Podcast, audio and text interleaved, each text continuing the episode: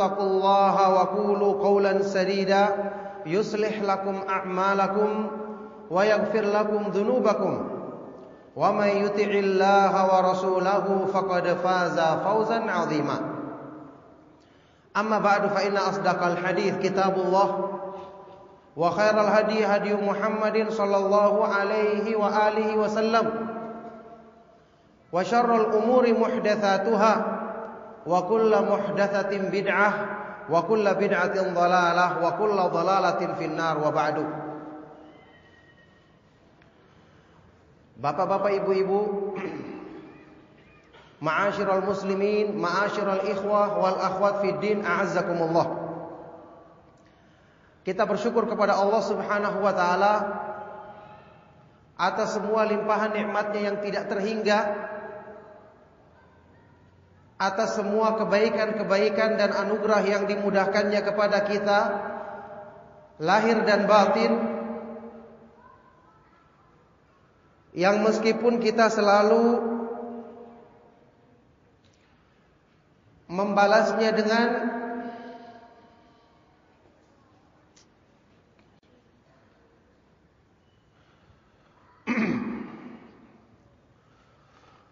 dengan kekurangan dan perbuatan maksiat.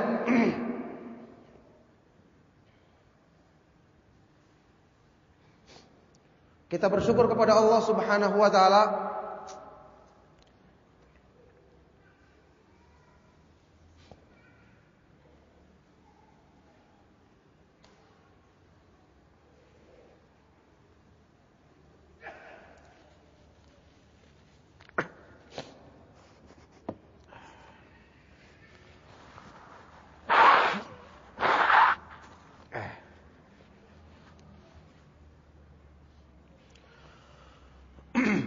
Kita bersyukur kepada Allah Subhanahu wa taala yang memilih kita sebagai seorang muslim. Kemudian mengenal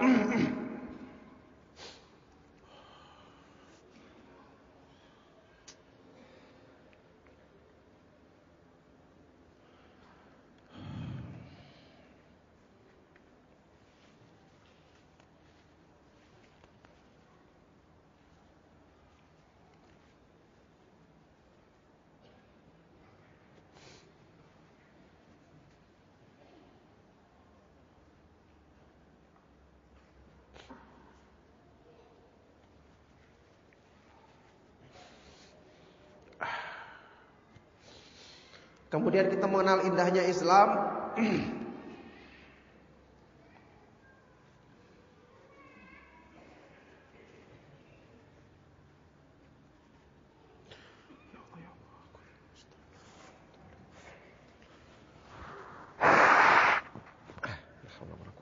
Ya. Kita bersyukur kepada Allah Subhanahu wa taala yang mudahkan kita mengenal Islam, mengenal indahnya sunnah Rasulullah sallallahu alaihi wasallam, mengenal iman, memudahkan kita untuk selalu berpegang teguh dengan sebab-sebab kebaikan. Ma'asyiral ikhwa wal akhwat fi din azakumullah. Tema yang akan kita kaji di kajian kita siang hari ini adalah tema yang kelihatannya sederhana.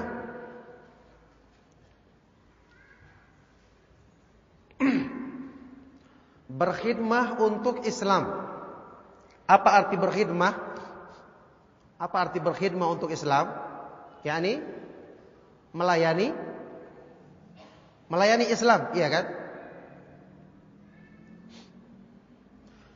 Berkhidmah untuk Islam artinya melayani Islam.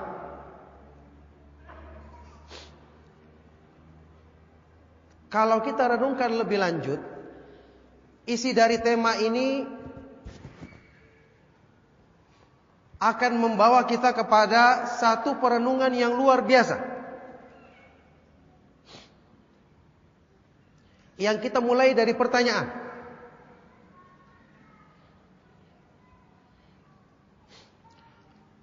Apakah Islam butuh dilayani?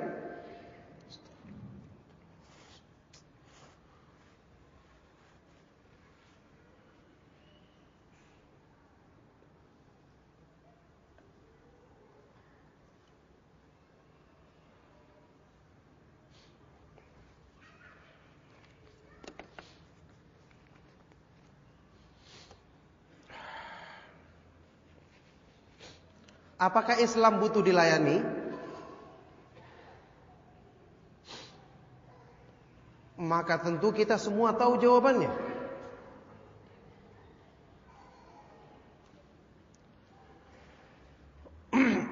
Agama Islam tidak butuh dilayani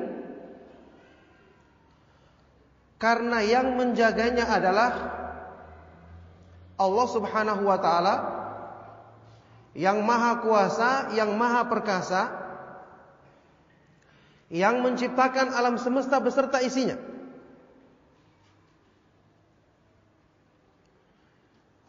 Jadi Islam tidak butuh dilayani.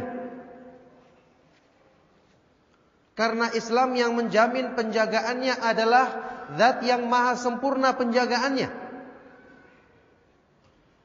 Allah Subhanahu wa taala ketika berfirman dalam Al-Qur'an, Inna nahnu nazzalna dzikra wa inna lahu lahafizun. Sesungguhnya kamilah yang menurunkan Al-Quran dan kamilah yang akan menjaganya. Berarti ini merupakan jaminan Islam itu akan dijaga oleh Allah dengan penjagaannya yang sempurna sampai di akhir zaman. Sampai di akhir zaman. Islam adalah agama yang mulia.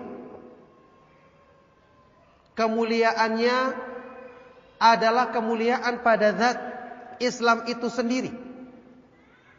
Ada atau tidak yang mengamalkannya. Makanya ketika berpikir, kita berpikir atau membahas tema berkhidmah untuk Islam. Jangan kita berpikir karena Islam butuh penjagaan dari kita. Tetapi yang harusnya kita pikirkan adalah bagaimana kita terjaga di atas Islam. Kenapa kita berpikir untuk ikut punya peran dalam membela Islam?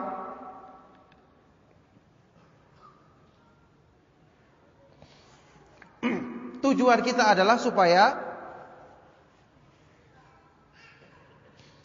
supaya Allah Subhanahu wa taala memilih kita semua termasuk ke dalam golongan orang-orang yang mendapatkan penjagaan dari Allah Subhanahu wa taala karena perhatiannya terhadap agama yang mulia ini. Perhatiannya terhadap sunnah Rasulullah sallallahu alaihi wasallam. Nah, ini satu perenungan yang kita dapatkan faedahnya dari kisah para ulama salaf yang terdahulu. Antum ketahui ketika kisahnya Imam Ahmad bin Hambal rahimahullah taala. Ketika beliau disiksa, dipenjara karena mempertahankan dan membela akidah ahlu sunnah wal jamaah. Bahwa Al-Quran adalah firman Allah dan bukan makhluk. Waktu itu penguasa yang ada ya terpengaruh dengan tokoh-tokoh sesat Mu'tazilah yang kemudian mengharuskan kaum muslimin me merusak keyakinan mereka mengharuskan mereka mengatakan Al-Quran adalah makhluk. Singkat cerita para ulama dipaksa dan disiksa untuk mengikuti ucapan ini. Sampai sebagian orang ada yang datang kepada Imam Ahmad. Rahimahullah ta'ala pada waktu itu. Dan berkata kepada beliau. Ya Aba Abdullah, inna nakhafu ala dinillah. Wahai Abu Abdullah, kami sangat mengkhawatirkan agama Allah. Kami khawatir akidah yang sesat ini akan tersebar. Akidah ahlus sunnah wal jamaah nanti akan tidak dikenal lagi karena penguasa pada waktu itu benar-benar memaksa semua kaum muslimin.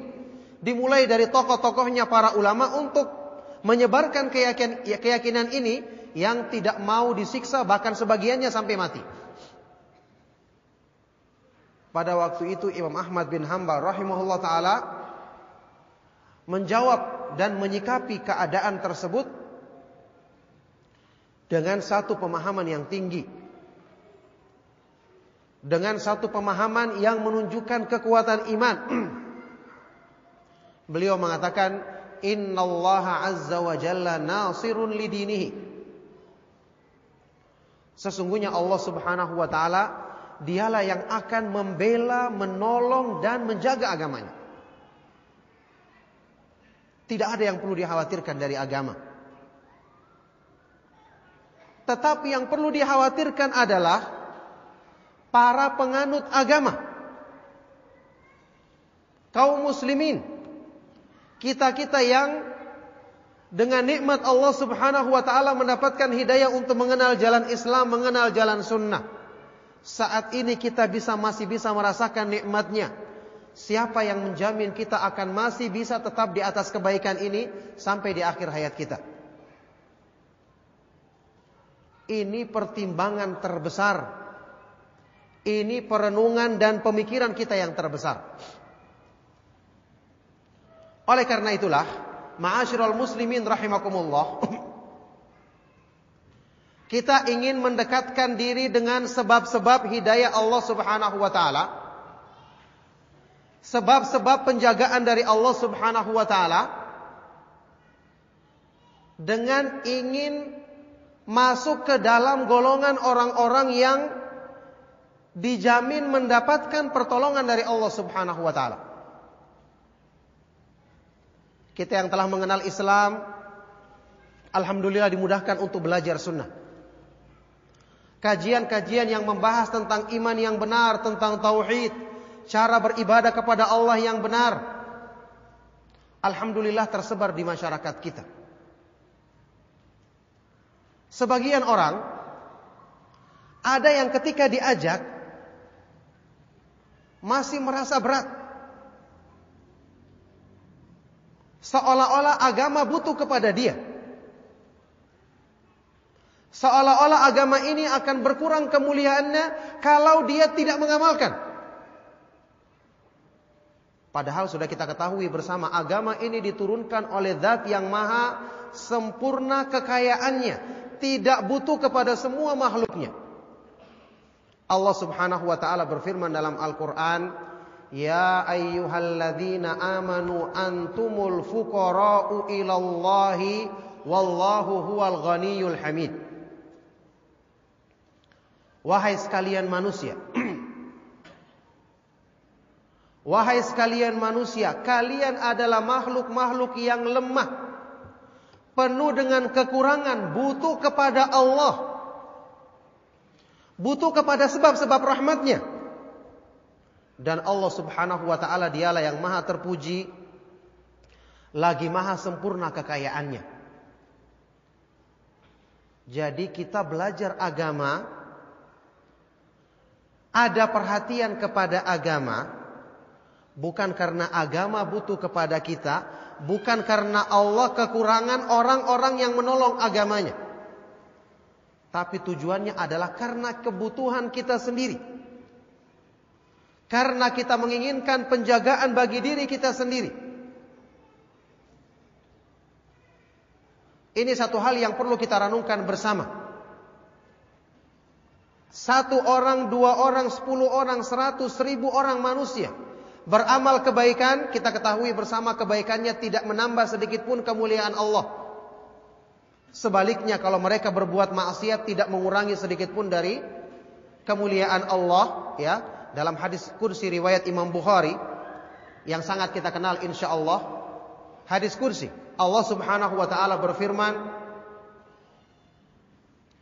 "Ya bani Adam, law anna awwalakum wa akhirakum wa insakum wa jinnakum Ya ibadi law anna awwalakum wa akhirakum wa insakum wa jinnakum kanu ala atqa qalbi rajulin wahidin minkum ma zada dhalika fi mulki syai'a walau anna awwalakum wa akhirakum wa insakum wa jinnakum kanu ala afjari qalbi rajulin wahidin minkum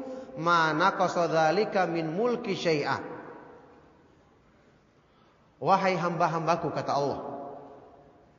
Seandainya Orang yang paling pertama hidup di antara kalian Jin maupun manusia sampai di akhir dunia ini Semua dalam keadaan setakwa-takwanya hati manusia Semuanya taat beribadah Semuanya menjalankan perintah Allah Menjauhi maksiatnya Allah berfirman, hal itu sama sekali tidak menambah sedikit pun dari kemuliaanku, kata Allah. Tidak menambah kekuasaan Allah, karena dia sempurna, maha sempurna. Sebaliknya, seandainya semua makhluk dari yang pertama hidup sampai terakhir, dalam keadaan seburuk-buruknya hati, maka itu sama sekali tidak mengurangi sedikit pun dari kemuliaanku.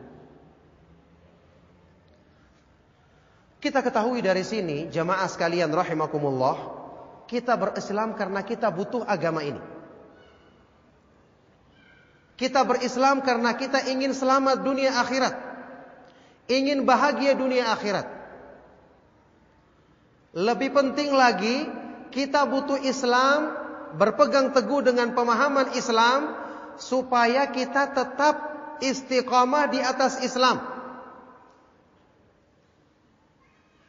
Inilah pertimbangan terbesar kita berusaha mendekatkan diri dengan sebab-sebab yang menjadikan kita dekat dengan pertolongan Allah Subhanahu wa taala.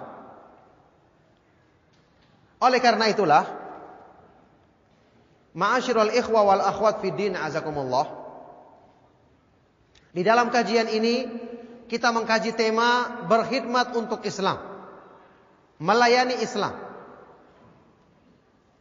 Wallahi pelayanan ini hakikatnya untuk kebaikan dan kemuliaan diri kita sendiri. Allah subhanahu wa ta'ala menurunkan rahmatnya yang sempurna di dalam agamanya. Berarti semakin dekat kita dengan pemahaman dan pengamalan agama Islam yang benar, menunjukkan rahmat Allah Subhanahu wa taala semakin sempurna kita kumpulkan dalam diri kita. Allah Subhanahu wa taala berfirman, "Inna rahmatallahi qaribum minal muhsinin." Sesungguhnya rahmat Allah Subhanahu wa taala dekat dengan orang-orang yang berbuat kebaikan. Wattaqullaha la'allakum turhamun. Bertakwalah kepada Allah Subhanahu wa taala supaya kamu mendapatkan rahmat darinya. Jadi rahmat Allah ini kita butuhkan dan itu ada di dalam agama Islam. Itulah sebabnya kita dekatkan diri kita dengan Islam, dengan sunnah Rasulullah Sallallahu Alaihi Wasallam. Makanya, sewaktu kita berpikir seperti ini, kita harusnya menyadari Allah Subhanahu wa taala tidak butuh seorang hamba yang ketika hamba itu tidak merasa butuh untuk memuliakan dirinya dengan Islam. Dan sungguh tidak mungkin seseorang itu mulia kalau tidak mencari kemuliaan dari dari Islam. Walillahil izzatu wali rasulihi walil mu'minin walakinnal munafiqina la ya'lamun. Sungguh kemuliaan itu adalah milik Allah. Kemudian milik siapa? Milik Rasulnya dan miliknya miliknya orang-orang yang beriman akan tetapi orang-orang munafik tidak mengetahuinya. Jadi kemuliaan itu ada kembali kepada agama, pada iman kita. Siapa yang menginginkan silakan mendekat, siapa yang tidak mau maka Allah Subhanahu wa taala ghaniyun 'anil alamin, tidak butuh kepada makhluk apa pun di alam semesta ini. Makanya jamaah sekalian rahimakumullah, setelah kita mengenal agama, yang pertama kali harusnya keyakinan yang kita masukkan ke dalam hati kita adalah merasa bangga dan merasa mulia dengan Islam. Wallahi demi Allah, orang yang dipilih untuk mengenal Islam berarti orang yang Allah Subhanahu wa taala bukakan kesempatan bagi dirinya untuk meraih kemuliaan yang setinggi-tingginya. Lihat firman Allah Subhanahu wa taala dalam Al-Qur'an surat Yunus. Kul bi fadlillahi wa bi rahmatihi fabidzalika falyafrahu huwa khairun mimma yajma'un. Katakanlah. Katakanlah. Dengan karunia dari Allah. Dan dengan rahmatnya. Ditafsirkan oleh para ulama ahlu tafsir. Karunia Allah, fadlullah artinya adalah al-iman. Rahmat Allah adalah artinya Al-Quran. Kata Ibnu Qayyim semua sepakat ahlu tafsir dalam penafsiran ini. Jadi dengan keimanan dan dengan Al-Quran. Maka dengan itu hendaknya orang-orang yang beriman merasa bangga, merasa mulia. Dzalika khairun mimma yajma'un. Karena kemuliaan ini lebih tinggi dan lebih besar dibandingkan dari semua kesenangan dunia yang berlomba-lomba dikumpulkan manusia. Kita semua harus sadar dan ingat semua kebaikan adalah di tangan Allah. Karena alam semesta beserta isinya dia yang menciptakannya. Maka tidak mungkin akan menjadi mulia orang yang berpaling dari petunjuk zat yang maha mulia. Itulah makna ucapan yang kita kenal bersama yang diriwayatkan dalam ucapannya Umar Ibn Khattab radhiyallahu taala anhu dalam Mustadrak Al-Hakim yang disahihkan oleh Al-Hakim dan disepakati oleh Az-Zahabi. Umar Ibn Khattab radhiyallahu taala anhu pernah mengatakan apa? Inna kunna adzalla qaumin. Kami dulunya bangsa Arab adalah kaum yang paling rendah. Tidak punya kemuliaan. Fa'azzanallahu bil Islam. Kemudian Allah muliakan kami dengan Islam. Dengan petunjuk Allah yang diturunkan kepada Rasulnya sallallahu alaihi wasallam. Famahma btaghainal izzata bighairi ma a'azzana Allahu bihi adzallana Allahu. Allah muliakan kami dengan Islam, dengan petunjuknya. Maka ketika kami mencari kemuliaan selain dari kemuliaan tersebut, selain dari kemuliaan Islam, pada waktu itulah Allah Subhanahu wa taala akan merendahkan dan menghinakan kita. Coba lihat kaum muslimin Orang yang mengenal petunjuk Islam, mengenal jalan sunnah. Luar biasa kemuliaan yang Allah inginkan, yang Allah siapkan bagi mereka sangat besar. Makanya kita semua seperti yang saya katakan tadi, Imam Ahmad bin Hambal mengatakan Allah yang menolong agamanya. Yang paling kita butuhkan adalah bukan kita berpikir agama ini butuh ditolong agama ini kekurangan penolong, tidak. Tetapi yang kita pertimbangkan pada diri kita, bagaimana agar bisa menjadi golongan yang ditolong oleh Allah. Golongan yang ditolong oleh Allah. Karena ya orang-orang yang ditolong oleh Allah Subhanahu wa taala pertama tentu sifatnya dia merasa bangga dengan agama, merasa butuh kepada pertolongan Allah. Kita ketahui bersama, golongan ini akan ada terus sampai di akhir zaman. Kita terlibat atau tidak terlibat, Allah akan memilih mereka-mereka yang dikehendakinya untuk mendapatkan rahmatnya yang sempurna. Tidak asing bagi kita semua hadis riwayat Muslim yang terkenal tentang at-taifatul mansurah. La tazalu taifatun min ummati zahirina 'alal haq la yadurruhum man khadalahum hatta ya'ti amrullah. Akan selalu ada sekelompok dari umatku orang-orang yang memperjuangkan kebenaran, membela kebenaran, menampakkan kebenaran. Selalu ada sampai di akhir zaman. Tidak akan merugikan mereka orang-orang yang meninggalkan mereka sampai datang pertolongan Allah Subhanahu wa taala. Siapa mereka ini? Kita berharap termasuk ke dalam golongan ini. At-Taifatul Mansurah orang-orang yang ditolong oleh Allah dalam urusan dunia apalagi urusan agamanya. Orang-orang yang dibela oleh Allah dan dijaga imannya sampai di akhir hayatnya. Ini yang kita harapkan. Innallaha yudafi'u 'anil ladzina amanu. Sesungguhnya Allah Subhanahu wa taala akan membela hamba-hambanya yang beriman. Nah, sekarang yang menjadi masalah bagaimana cara agar bisa termasuk ke dalam golongan ini?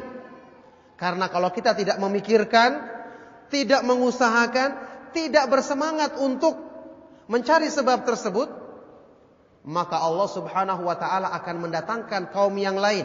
Mereka-mereka yang enggan akan diusir. Dan Allah Subhanahu wa taala Maha Kuasa atas segala sesuatu. Coba lihat makna firman Allah Subhanahu wa taala dalam Al-Qur'an. Ya ayyuhalladzina amanu may yartadda minkum an dinihi fasawfa ya'ti Allahu biqaumin yuhibbuhum wa yuhibbunahu adillatin 'alal mu'minina a'izzatin 'alal kafirina yujahiduna fi sabilillahi wa la yakhafuna laumata laim dzalika fadlullahi yu'ti man yasha wallahu wasi'un alim. Wahai orang-orang yang beriman Siapa di antara kamu yang murtad meninggalkan agamanya, naudzubillahi min dzalik, maka Allah nanti akan mendatangkan mendatangkan para pembela agamanya, orang-orang yang akan ditolongnya. Akan mendatangkan satu kaum yang Allah mencintai mereka dan mereka mencintai Allah. Jadi Allah tidak kekurangan hamba-hambanya yang tahu diri. Hamba-hamba yang mau memuliakan dirinya. Tidak kekurangan berpalingnya 100 orang, 1000 orang, 2000 orang, Allah Maha Kuasa menciptakan hamba-hambanya yang saleh, hamba-hambanya yang merasa mulia dengan petunjuknya, memasukkan hidayah ke dalam hati mereka. Allah akan mendatangkan satu kaum yang Allah mencintai mereka dan mereka mencintai Allah. Mereka memiliki sifat yang penyayang terhadap orang-orang yang beriman, keras terhadap orang-orang kafir, berjihad di jalan Allah dan tidak takut celaan orang-orang yang mencela ketika menegakkan kebenaran. Nah, ini pernyataan dari Allah bahwa setiap kita harus mencari sebab tersebut. Nah, oleh karena itulah ma'asyiral muslimin rahimakumullah, inilah tujuannya kita belajar agama. Di dalam majelis-majelis ilmu yang di situ kita belajar Al-Quran dengan pemahaman yang benar. Pemahaman ahlu sunnah wal jamaah. Kita belajar hadis-hadis Rasulullah Sallallahu Alaihi Wasallam dengan pemahaman para sahabat. Apa yang kita pelajari? Kita belajar bagaimana memiliki sifat orang-orang yang Allah mencintai mereka dan mereka mencintai Allah supaya termasuk orang-orang yang dijanjikan Allah Subhanahu wa taala akan selalu menolong mereka. Makanya di dalam agama itu menolong Allah dari dulu sampai sekarang ya caranya sama. Tidak ada yang baru. Sebagian orang ketika memahami ayat-ayat Al-Qur'an yang menggambarkan tentang menolong agama Allah, membela agama Allah, ada yang dengan semangat tapi tanpa ilmu melakukan cara-cara yang dianggap menolong agama padahal justru merusak agama. Ini salah satu di antara manfaatnya kita belajar. Bagaimana merusak agama? Ya. Jadi orang itu dalam agama tidak dinilai cuma dengan pengakuan saja. Kalau berkata kita ingin mengembalikan kemaslahatan kaum muslimin, kejayaan Islam, kita ingin memperbaiki umat, semua orang bisa. Di dalam surat Al-Baqarah, orang-orang munafik kalau ditegur, wa idza qila lahum la tufsidu fil ardi qalu, bagaimana? Innama nahnu muslihun. Kalau dikatakan kepada mereka orang-orang munafik, jangan berbuat kerusakan di muka bumi karena perbuatan munafik mereka menampakkan Islam menyembunyikan kekufuran, melakukan makar terhadap kaum muslimin, terhadap Rasulullah wasallam, inilah hakikat kerusakan yang sesungguhnya. Perusakan Islam yang sebenarnya. Kalau dikatakan kepada mereka, jangan berbuat kerusakan di muka bumi. Apa jawaban mereka? Sesungguhnya kami hanya ingin melakukan perbaikan. Ala innahum humul mufsiduna walakin walakin la yash'urun atau walakin la ya'lamun. Ketahuilah mereka lah orang-orang perusak yang sesungguhnya akan tetapi mereka tidak menyadarinya, tidak mengetahuinya. Di sini semangat, keinginan merasa mulia harus didukung dengan ilmu agar tidak salah ingin memperbaiki akhirnya malah merusak. Apa contoh-contoh pengakuan perbaikan tapi ternyata merusak? Semua cara berdakwah ataupun alasan untuk mengembalikan kejayaan umat yang tidak ditempuh dengan cara yang disyariatkan oleh Allah Subhanahu wa taala dalam petunjuk yang diturunkannya kepada Rasulullah sallallahu alaihi wasallam cara-cara yang diadakan ada-adakan itu semua akan merusak dan tidak akan memperbaiki. Kenapa? Karena Allah Subhanahu wa taala menurunkan agama untuk memperbaiki. Maka tidak ada lagi perbaikan setelah sempurnanya petunjuk yang diturunkan oleh Allah Subhanahu wa taala kepada Rasulnya sallallahu alaihi wasallam. Wa madza ba'dal haqqi illa dhalal. Tidak ada lagi setelah kebenaran kecuali kesesatan. Sekarang kita menyaksikan keterpurukan kaum muslimin. Banyak orang-orang yang mencari jalan untuk katanya membangkitkan kembali kejayaan mereka dengan semangat tapi tanpa ilmu. Coba kita baca ayat Al-Qur'an.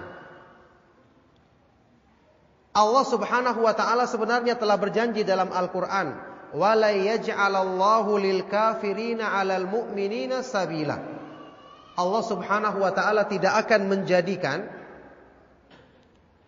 bagi orang-orang kafir jalan untuk menguasai untuk bisa merendahkan orang-orang muslim. Orang-orang mukmin. Allah berjanji. Kenapa pada kenyataannya sekarang kaum muslimin banyak yang tertindas? Tidak mungkin janji Allah keliru. Allah berjanji Allah tidak akan menjadikan bagi orang kafir jalan untuk bisa menguasai orang yang beriman. Tapi mungkin saja orang-orang yang mengaku muslim membuka jalan untuk dikuasai oleh orang-orang kafir. Antum pahami maknanya ayat ini? Mungkin saja mereka sendiri yang membuka jalan. Jalan itu adalah apa? Ketika mereka jauh dari sebab-sebab pertolongan Allah Subhanahu wa taala. Ketika mereka jauh dari sebab-sebab pertolongan Allah Subhanahu wa taala.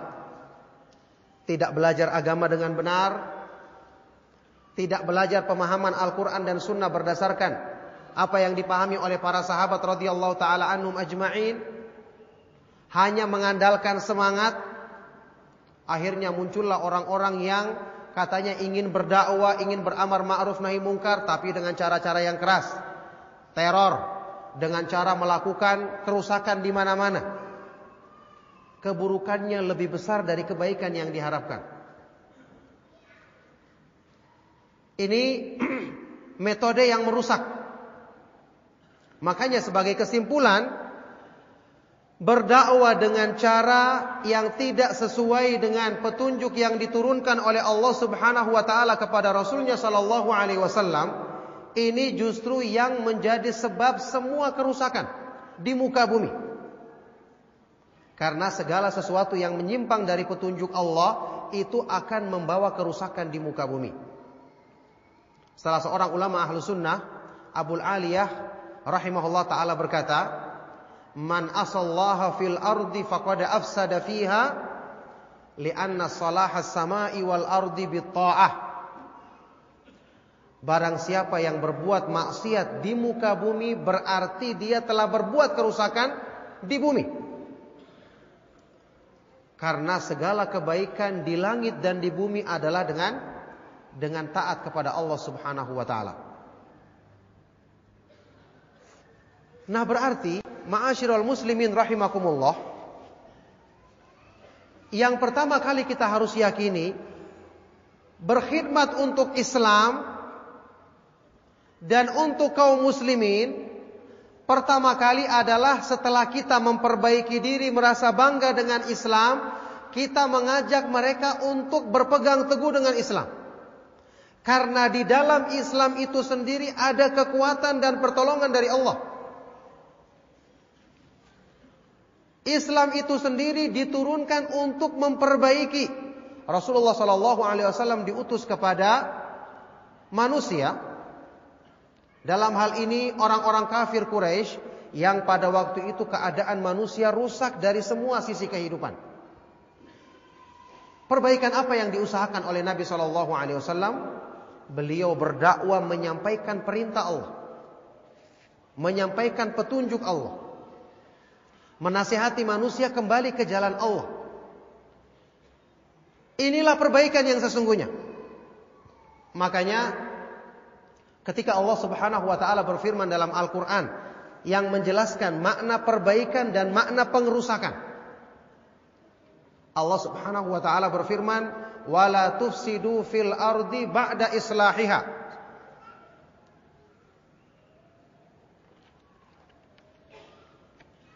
Janganlah kalian membuat kerusakan di muka bumi ini setelah perbaikannya. Janganlah kalian membuat kerusakan di muka bumi setelah perbaikannya. Apa arti membuat kerusakan? Apa arti perbaikan? Untuk kita memahami ayat ini, ya kita akan lihat tafsir dari para ulama ahlu sunnah tentangnya. Di dalam beberapa kitab tafsir di antaranya Imam Suyuti dalam Ad-Durrul Manthur. Juga kalau tidak salah ingat Ibnu Jarir At-Tabari dalam tafsir beliau membawakan ucapan salah seorang ulama tabi'in Abu Bakar Ibnu Ayyash rahimahullah taala yang berkata seperti ini. Inna Allah azza wa jalla ba'atha Muhammadan sallallahu alaihi wasallam ila ahli al-ardi wahum fi fasad. Allah Subhanahu wa taala mengutus Nabi Muhammad sallallahu alaihi wasallam kepada penduduk bumi, masyarakat bumi yang waktu itu semua manusia di bumi hidup dalam kerusakan. Waktu itu tidak ada perbaikan karena semua di zaman jahiliyah itu semua bidang kehidupan rusak. Apa saja semua dalam masalah hukum, dalam masalah ekonominya, masalah pergaulannya, masalah akhlak, apalagi semua rusak. Jadi ketika Rasulullah SAW diutus oleh Allah kepada masyarakat bumi waktu itu semuanya rusak. Tidak ada perbaikan pada diri mereka. Apa yang menjadi misi perbaikan Rasulullah SAW setelah itu? Kata beliau, fa aslahahumullahu bi Muhammadin sallallahu alaihi wasallam. Maka Allah memperbaiki keadaan mereka dengan apa? Petunjuk yang Allah turunkan kepada Nabi Muhammad sallallahu alaihi wasallam.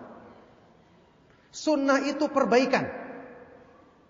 Belajar agama berarti mengusahakan perbaikan bagi diri sendiri. Memahami, mengamalkan dan menyebarkan berarti mengusahakan perbaikan untuk kaum muslimin. Ini makna keterangan tersebut. Allah perbaiki keadaan mereka dengan apa? Dengan petunjuk yang diturunkannya kepada Nabi-Nya Shallallahu Alaihi Wasallam, dengan sunnah yang diajarkan oleh Nabi Muhammad Shallallahu Alaihi Wasallam. Nah berarti kata beliau, faman da'a ila khilafi ma ja'a bihi Muhammadun sallallahu alaihi wasallam fahuwa minal mufsidina fil ard. Barang siapa maka barang siapa yang mengajak manusia yang berdakwah yang melakukan sesuatu yang berbeda dengan seruan yang diajak oleh Rasulullah sallallahu alaihi wasallam berbeda dengan apa petunjuk yang dibawa oleh Nabi Muhammad sallallahu alaihi wasallam maka berarti dia termasuk orang-orang yang melakukan kerusakan di muka bumi. Maka jelas dengan ini kerusakan itu terjadi adalah dengan perbuatan maksiat itu sendiri. Tidak belajar sunnah berarti mengusahakan kerusakan untuk diri sendiri, keluarga dan juga orang di sekitarnya mengamalkan sesuatu yang menyimpang dari sunnah, berbuat kerusakan untuk dirinya dan untuk kaum muslimin. Makanya ini seperti yang dikatakan tadi dalam Al-Quran tentang orang-orang munafik. Ala innahum humul mufsidun. Ketahuilah mereka itulah perusak yang sesungguhnya. Orang-orang munafik tidak melakukan perusakan yang mungkin kita anggap secara zahir artinya membuat kerusakan menghancurkan bangunan, membom sana sini, dahulu tidak ada yang melakukan demikian. Kerusakan apa yang mereka lakukan? Adalah melanggar petunjuk Allah. Melakukan perbuatan-perbuatan maksiat yang tidak diridhoi oleh Allah Subhanahu wa taala. Ini kerusakan yang sesungguhnya yang menjadikan manusia rusak pada dirinya, rusak hubungannya dengan Allah, merusak orang-orang di sekitarnya, merusak kaum muslimin. Nah, oleh karena itulah, ma'asyiral muslimin rahimakumullah, dari sini kita memahami pentingnya berpegang teguh dengan agama, dengan ilmu dan pengamalan. Maka berkhidmat untuk Islam yang tadi sudah kita bahas ya, tujuan utamanya adalah untuk penjagaan bagi diri kita. Kenapa? Allah Subhanahu wa taala menjanjikan yang ini kita ketahui dalam banyak ayat Al-Qur'an. Pertolongan darinya bagi orang yang menolong agamanya.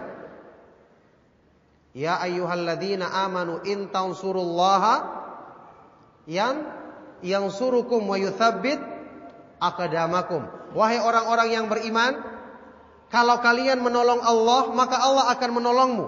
Al jaza'u min jinsil amal, balasan dari jenis perbuatan. Dan Allah akan meneguhkan akadamakum, akan meneguhkan kaki-kakimu di atas Islam.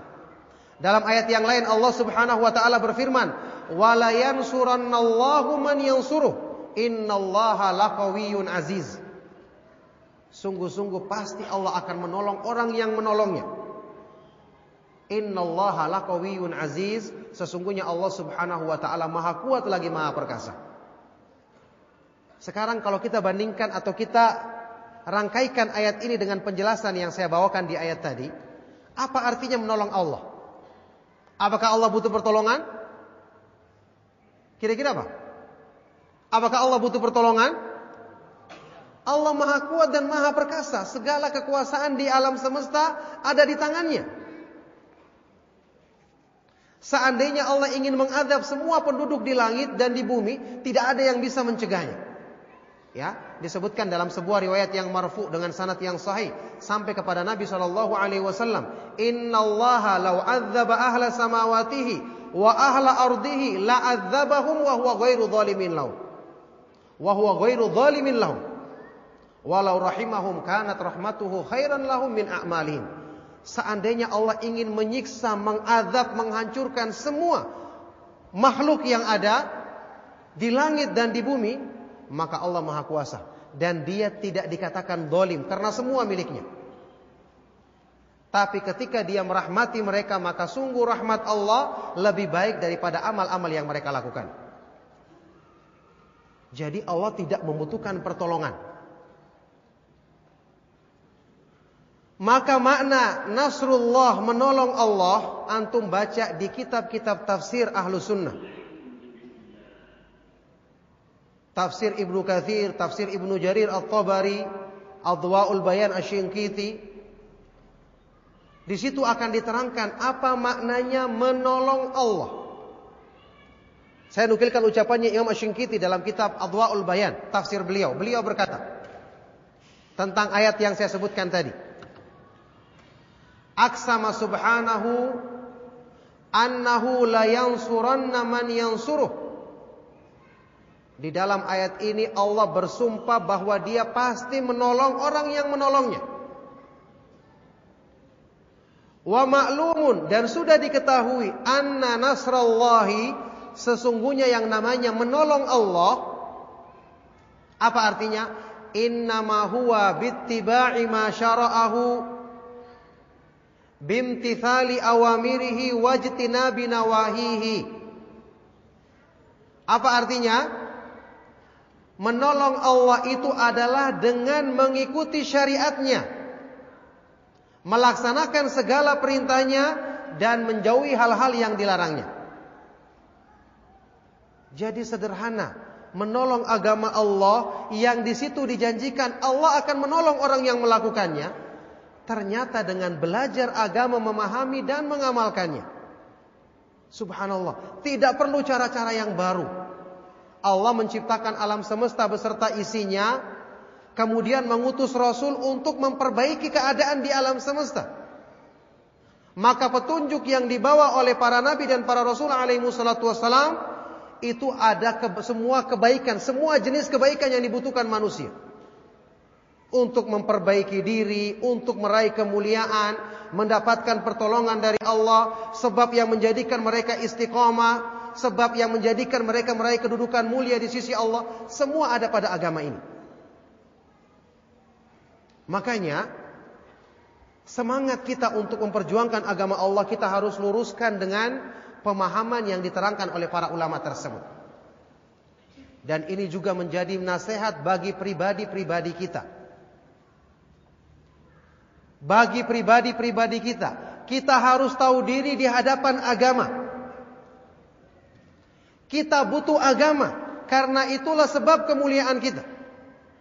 Kita butuh belajar Islam, butuh menghadiri majelis-majelis kajian-kajian sunnah supaya kita dapat bagian dari pertolongan Allah. Coba hadis yang saya bacakan tadi tentang At-Taifatul Mansurah golongan yang selalu mendapatkan pertolongan dari Allah Subhanahu wa taala. Apa penafsiran para ulama tentang Taifatul Mansurah? Apa yang antum ketahui? Ma'ruf dibahas di kajian-kajian sunnah. Siapa mereka? Hah? Ahlul hadis. Semua ulama sepakat mengatakan, ya, mulai dari Imam Ali Ibnul Madini, Imam Ahmad bin Hambal, Imam Bukhari, Abdullah ibn Mubarak, semua ulama ahlu sunnah mengatakan hum ashabul hadis. Mereka golongan yang selalu ditolong oleh Allah adalah orang-orang yang mempelajari ilmu sunnah. Jadi bukan orang yang melakukan bom bunuh diri. Karena itu tidak diridhoi oleh Allah Subhanahu wa taala. Itulah kerusakan yang sesungguhnya. Bukan orang-orang yang berkoar-koar memperjuangkan Islam kemudian melakukan cara-cara yang menyimpang dari sunnah. Seperti orang-orang yang mudah mengkafirkan pemerintah, tidak melakukan nasihat dengan cara yang baik, atau orang-orang yang melakukannya dengan hanya mengatakan kita harus menegakkan hukum Islam, hukum Islam, padahal hukum Islam apa yang diinginkan? Kalau perbuatan mereka sendiri bertentangan dengan hukum Islam. Jadi hum ashabul hadis, orang yang belajar hadis, belajar sunnah, mengikuti petunjuk Rasulullah sallallahu alaihi wasallam dalam memahami dan mengamalkan agama. Bahkan Imam Ahmad bin Hanbal rahimahullah taala berkata, "Illam takun hadhihi ta'ifatul mansuratu ashabal hadis fala adri manhum." kalau golongan yang ditolong oleh Allah bukanlah orang-orang yang selalu belajar ilmu hadis, ilmu sunnah, maka aku tidak ketahui siapa lagi mereka. Nah, oleh karena itu di sini ma'asyiral muslimin rahimakumullah satu hal yang selalu kita bawa dalam pemahaman kita. Ingat Allah Subhanahu wa taala telah menyediakan orang-orang yang akan selalu ditolongnya, yang akan selalu memahami, mengamalkan dan menyebarkan agamanya.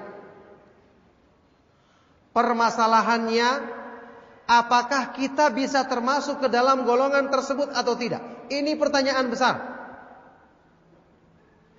Maka oleh karena itu, selagi telah kita ketahui kriteria mereka yang masuk ke dalam golongan ini, berarti kita harus semang, menambah semangat kita. Belajar sunnah Rasulullah Sallallahu Alaihi Wasallam.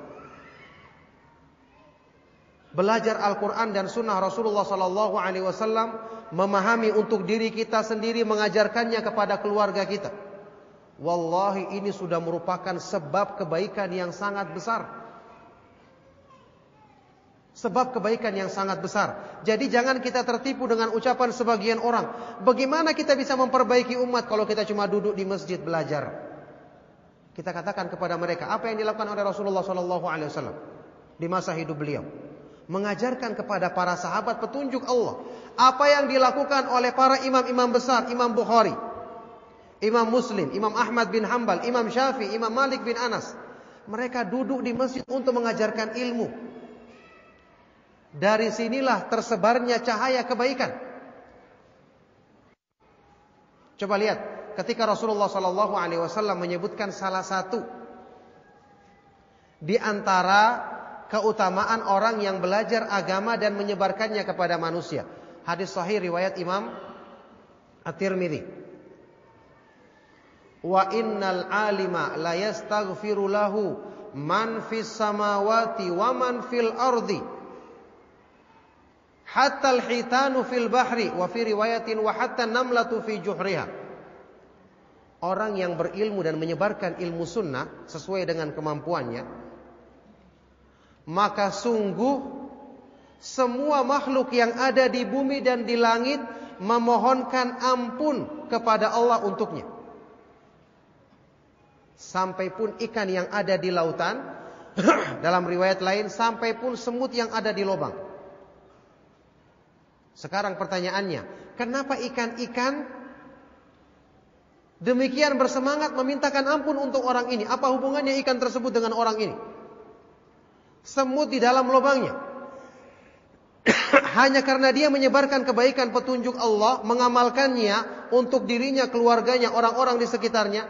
Kenapa? Apa kepentingannya ikan dan semut untuk mendoakan kebaikan untuk dirinya? Kira-kira apa jawabannya? Apa jawabannya kira-kira? Apakah ikan itu punya hubungan kerabat dengan dirinya? Tentu ini tidak mungkin ya. Tidak ada yang bersepupu dengan ikan. Apa jawabannya? Hah? Karena kebaikan yang tersebar di muka bumi. Dengan disebarkannya kebaikan, disebarkannya sunnah, alam semesta ini menjadi makmur bencana akan berkurang. Ikan-ikan di lautan merasakan manfaatnya. Semut-semut di dalam lubang merasakan manfaatnya. Semua binatang merasakan manfaatnya.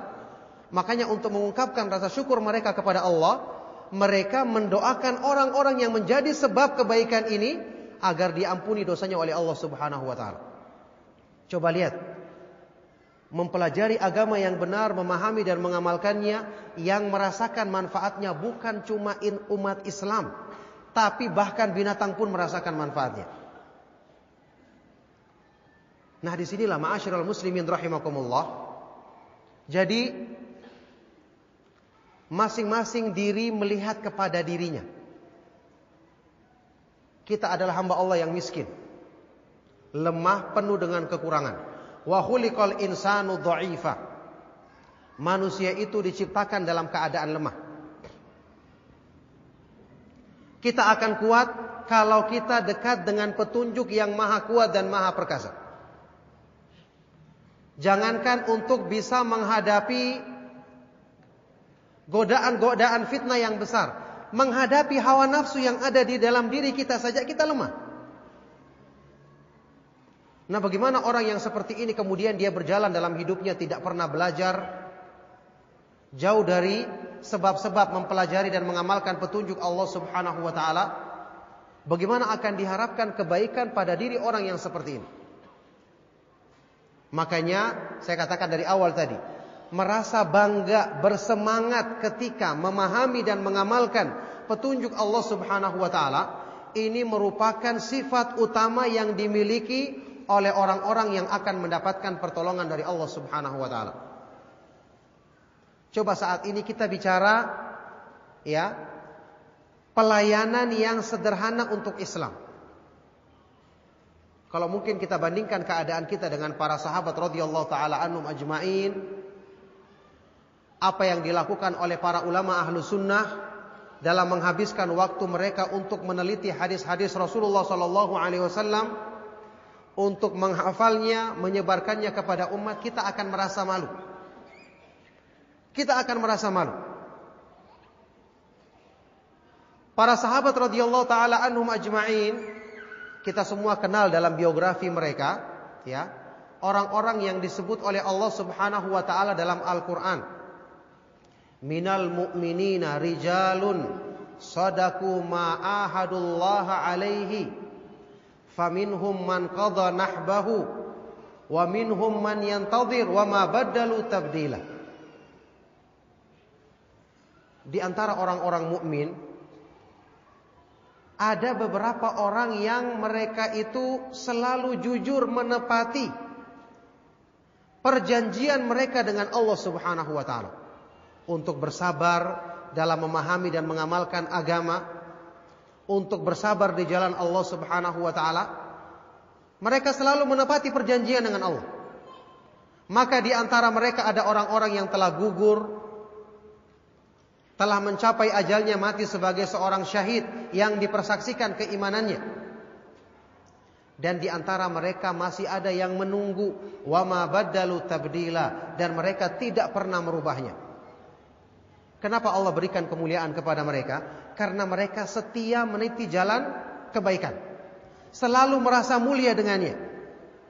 Makanya sudah antum ketahui ayat ini dikatakan oleh sebagian dari sahabat turun ya atau di antara sebab turunnya adalah kepada orang-orang yang mulia para sahabat yang meninggalkan dunia mereka dalam rangka berpegang dengan sunnah semacam sahabat yang mulia Mus'ab ibnu Umair dan para sahabat yang lainnya radhiyallahu taala anhum ajmain mereka berkorban meninggalkan harta kekayaan antum ketahui Mus'ab ibnu Umair sewaktu beliau meninggal dunia padahal beliau adalah orang yang sangat kaya raya dengan segala fasilitas kemewahan. Ketika orang tuanya tidak menginginkan dia masuk Islam, mengikuti petunjuk Rasulullah sallallahu alaihi wasallam, maka ditinggalkan semua itu. Ketika beliau meninggal gugur sebagai syahid di waktu perang Uhud, antum ketahui pakaiannya tidak cukup untuk menutupi seluruh tubuhnya. Kalau ditarik ke bawah maka kepalanya kelihatan, kalau ditarik ke atas kakinya kelihatan. Akhirnya kemudian Rasulullah Shallallahu Alaihi Wasallam memerintahkan bagian tubuhnya yang kaki yang kelihatan ditutup dengan sejenis rumput-rumputan. Ini pejuang yang dipuji dalam ayat tadi. Sahabat para sahabat radhiyallahu taala anhum ajmain. Sahabat lain yang terkenal dengan pengorbanannya untuk Islam yang kita sudah baca, tentu semua mereka punya semangat yang sangat tinggi dan pengorbanan yang luar biasa. Misalnya siapa? Abu Yahya Suhaib ibnu Sinan radhiyallahu taala anhu.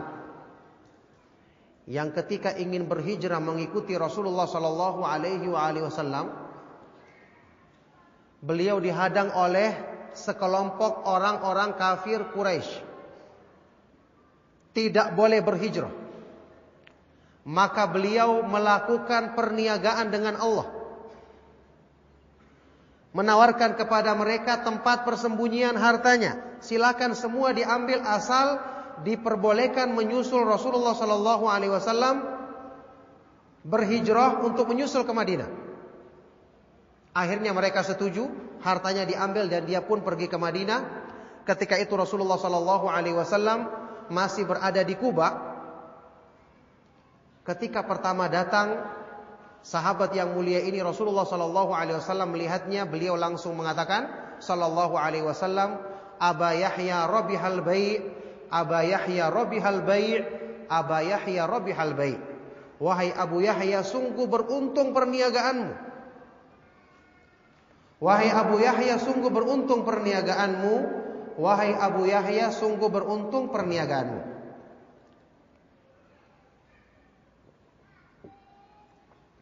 Contoh yang lain banyak. Pengorbanan mereka waktu perang Uhud ketika Nabi Shallallahu Alaihi Wasallam dikepung, mereka menjadikan diri diri mereka sebagai tameng. Maksudnya, ketika yang namanya berkhidmah untuk Islam, berjuang untuk Islam, membela sunnah, itu ditujukan kepada generasi yang terbaik umat ini, para sahabat radhiyallahu taala anhum ajmain ditujukan kepada mereka maka kita katakan wajar. Pengorbanan mereka sangat luar biasa. Memang mereka dipilih oleh Allah Subhanahu wa taala untuk menyertai Nabi sallallahu alaihi wasallam. Ya, seperti ucapannya Ibnu Mas'ud radhiyallahu taala anhu. Qaumun ikhtarahumullahu li suhbati nabiyhi wa iqamati dinihi memang mereka adalah orang-orang yang khusus dipilih oleh Allah Subhanahu wa taala untuk menemani Rasulullah sallallahu alaihi wasallam dan untuk menegakkan agamanya. Perjuangan mereka luar biasa. Sekarang kita bandingkan dengan keadaan diri kita. Perjuangan apa yang sudah kita persembahkan untuk Islam?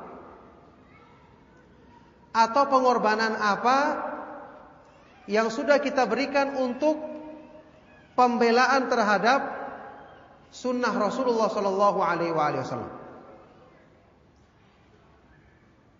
Coba kita bandingkan, ya, supaya di sini kita menghargai hidayah yang Allah berikan kepada kita. Antum-antum saat ini, alhamdulillah, di akhir zaman bisa belajar sunnah dapat hidayah untuk oh ternyata ini jalan yang benar. Padahal sekian banyak orang di sekitar kita tidak mengenal jalan sunnah. Kalau kita merenungkan sejenak, saya katakan biasanya orang kalau tidak merenungkan dia lupa akan nikmat. Ketika dia menghadiri kajian atau membaca pengumuman ada kajian, dia akan mengatakan, "Ah, saya akan hadir atau tidak terserah." Kalau hari ini tidak hadir, besok ada. Harusnya kita katakan kepada diri kita sendiri, saya mendapatkan nikmat dan hidayah yang besar ini, apa jasa saya sehingga mendapatkannya? Apa kebaikan yang saya lakukan? Sehingga Allah Subhanahu wa taala memilih saya di antara sekian banyak manusia yang tidak kenal saya diperkenalkan, hati saya dibuka menerimanya. Sudah kita bahas tadi, kalau para sahabat dapat hidayah wajar. Pengorbanan mereka luar biasa. Tapi kalau kita, apa kebaikan yang kita berikan? Sudah seperti itu masih ada di antara kita yang merasa enggan atau malas-malasan untuk belajar kebaikan agama ini. Atau ada yang merasa cukup. Ada yang merasa ah kalau tidak hadir hari ini bisa besok. Ada lagi yang masih ragu-ragu. Ada lagi yang masih mempertimbangkan dunianya dan seterusnya. Subhanallah. Mana selera yang tinggi dalam kebaikan? Ya ini mana perasaan kita bersyukur kepada Allah Subhanahu wa taala menyambut menyambut hidayah yang agung ini. Jadi saya katakan sejak awal, kalau seseorang tidak merasa mulia dengan kemuliaan, bagaimana Allah muliakan dia? Harusnya orang-orang yang dibukakan hatinya untuk sudah dia sudah kenal agama, tahu jalan yang benar, tahu bagaimana buruknya orang yang terjerumus ke dalam ya, penyimpangan apalagi penyimpangan akidah orang yang berbuat syirik. Coba antum perhatikan ya, kuburan-kuburan yang disembah yang dihadiri oleh orang-orang yang menziarahinya untuk melakukan sesuatu yang dekat dengan perbuatan syirik yang sangat dimurkai oleh Allah. Berapa jumlahnya di Indonesia? Kuburan-kuburan yang dikatakan kuburan para wali. Ketika waktu-waktu ziarah, itu ribuan sampai berbis-bis yang antum ketahui semua, seperti daerah Surabaya dan sekitarnya. Mereka melakukan ini atas nama semangat beragama. Tidak dapatkan petunjuk maka disalurkan kepada perbuatan syirik yang menyimpang. Nauzubillah min dzalik. Sekarang kita bandingkan dengan diri kita, waktu dulu pun kita dalam beragama biasa-biasa saja. Sekarang setelah mendapatkan hidayah juga biasa-biasa saja. Mana syukurnya kepada Allah Subhanahu wa taala? Jadi orang yang diberikan ya kemuliaan yang tinggi tidak mungkin dia akan ditetapkan padanya ketinggian tersebut kalau seleranya tidak berubah-ubah juga menjadi tinggi. Ini yang ingin kita sadarkan pada diri kita semua.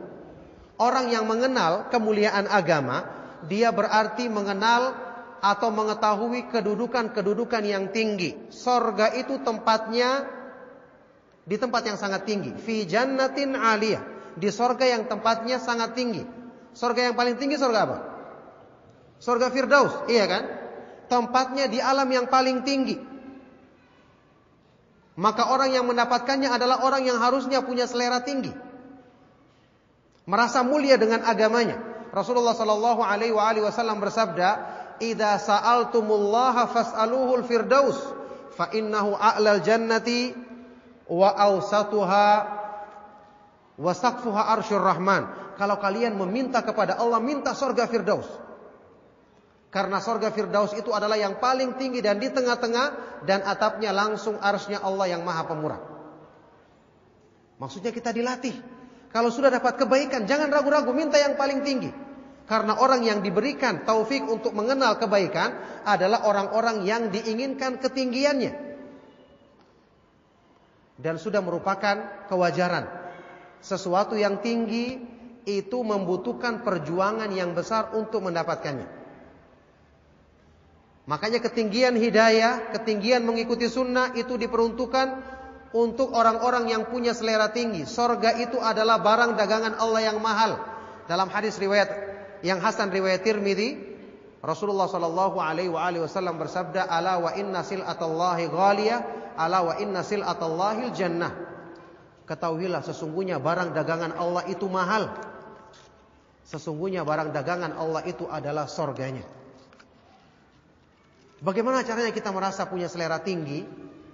Kita harus sudah menjadikan agama ini sebagai harta kita yang paling berharga. Kalau luput urusan dunia, kita akan bisa menggantinya hari ini, besok atau seterusnya. Tapi kalau agama yang luput, bisa jadi itu menjadi sebab Allah Subhanahu wa taala akan mencabut hidayah dari seorang hamba. Makanya Imam Ibnu Qayyim rahimahullah taala sehubungan dengan penjelasan masalah selera tinggi. Apa kata beliau? Ya, beliau mengatakan dalam kitab Miftahu Daris Sa'adah. Man tamahat nafsuhu lil umuril aliyah. Barang siapa yang jiwanya sudah mulai menginginkan balasan-balasan yang tinggi.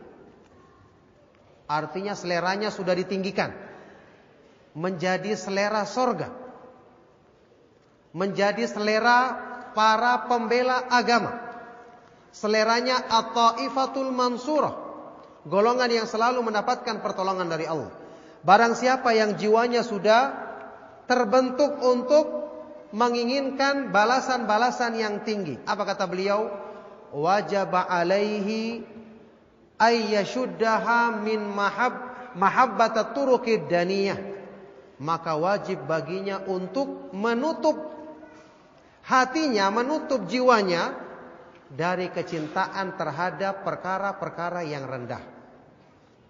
Sudah dimuliakan, jangan diturunkan seleranya. Selera dunia hanya menginginkan apa yang dikejar oleh orang-orang awam. Ya, mengejar keindahan dunia yang semu dan palsu. Maka ini bukan merupakan sifatnya orang-orang yang akan yang akan selalu mendapatkan balasan yang tinggi di sisi Allah Subhanahu wa taala. Dalam hal ini seorang penyair mengatakan wa kullil murajji ma'aliyal umuri bi ghairi ijtihadin rajautal muhala. Katakanlah kepada orang-orang yang mengharapkan balasan-balasan yang tinggi tanpa kesungguhan dan tanpa perjuangan berarti kamu mengharapkan sesuatu yang mustahil untuk didapatkan. Nah, oleh karena itulah ma'asyiral muslimin, ma'asyiral ikhwa wal akhwat fid din rahimakumullah. Sebagai nasihat di penghujung kajian kita atau tablik akbar kita di siang hari ini, saya ingatkan kepada kita semua. Mau tidak mau, kita akan menjalankan hidup kita sampai di ujungnya, yaitu kematian. Dalam perjalanan hidup kita, kita akan mengeluarkan harta, mengeluarkan tenaga, pikiran, dan semua yang kita miliki karena tidak ada yang kekal. Seperti yang dibawakan tadi oleh Al Ustadz Al Fadil, Ustadz Afifi, ya, hafizahullah taala, semua manusia akan berbuat, akan menghabiskan apa yang ada pada dirinya. Dan kesimpulannya cuma dua. Kalau bukan dihabiskan untuk kebaikan, maka akan dihabiskan untuk keburukan. Antum jangan menyangka ketika antum tidak hadir pengajian, berarti umurnya bisa ditahan. Tidak. Umurnya juga akan tetap terpakai. Kalau bukan untuk kebaikan, untuk keburukan. Kalau tidak berniaga dengan Allah, maka berniaga dengan syaitan. Kalau tidak berkorban untuk kebaikan maka berkorban untuk keburukan. Tidak ada pilihan yang lain. Itu makna sabda Rasulullah sallallahu alaihi wasallam, "Kullun nasi yagdu faba'i'un nafsahu famu'tikuha au mubikuha." Masing-masing manusia menjalankan kehidupannya. Dan ketika itu mereka bertaruh, berniaga. Ada yang menyelamatkan dirinya karena dia menggunakan hidupnya, waktunya, umurnya, tenaganya untuk kebaikan ada juga yang merugi membinasakan dirinya sendiri karena tidak menggunakan nikmat Allah Subhanahu wa taala itu untuk kebaikan. Makanya ma'asyiral muslimin rahimakumullah, saya sudah sebutkan tadi perbandingan kita dengan para pejuang Islam yang sejati. Wallahi apa yang kita miliki dan lakukan sangat-sangat tidak pantas dibandingkan besarnya nikmat yang Allah Subhanahu wa taala berikan kepada kita. Tapi kita selalu berharap dengan rahmat Allah yang maha luas. Kita semua bergembira ketika mendengar Allah subhanahu wa ta'ala berfirman dalam hadis kursi yang sahih riwayat Imam Muslim. Inna rahmati sabaqat ghadabi. Sesungguhnya rahmatku mengalahkan mendahului kemurkaanku. Kita dapat hidayah tapi lebih sering lalai. Kita diingatkan lalai lagi diberikan hidayah untuk mendapatkan sunnah, tapi seringnya kita meninggalkan kajian sunnah. Alhamdulillah Allah tidak murka kepada kita. Seandainya Allah murka, dia bisa mencabut hidayah kepada siapa yang dikehendakinya. Tapi kita bersyukur, inna rahmati sabaqat ghadabi, sesungguhnya rahmat Allah Subhanahu wa taala mendahului dan mengamalkan mengalahkan kemurkaannya. Makanya yang kita pegang dan ini menjadi perenungan terbesar pada diri kita ya, yaitu selama kita masih punya semangat, ada kemauan, keseriusan memperbaiki diri. Ada semangat untuk meraih kemuliaan seperti yang Allah Subhanahu wa taala mudahkan kepada orang-orang sebelum kita.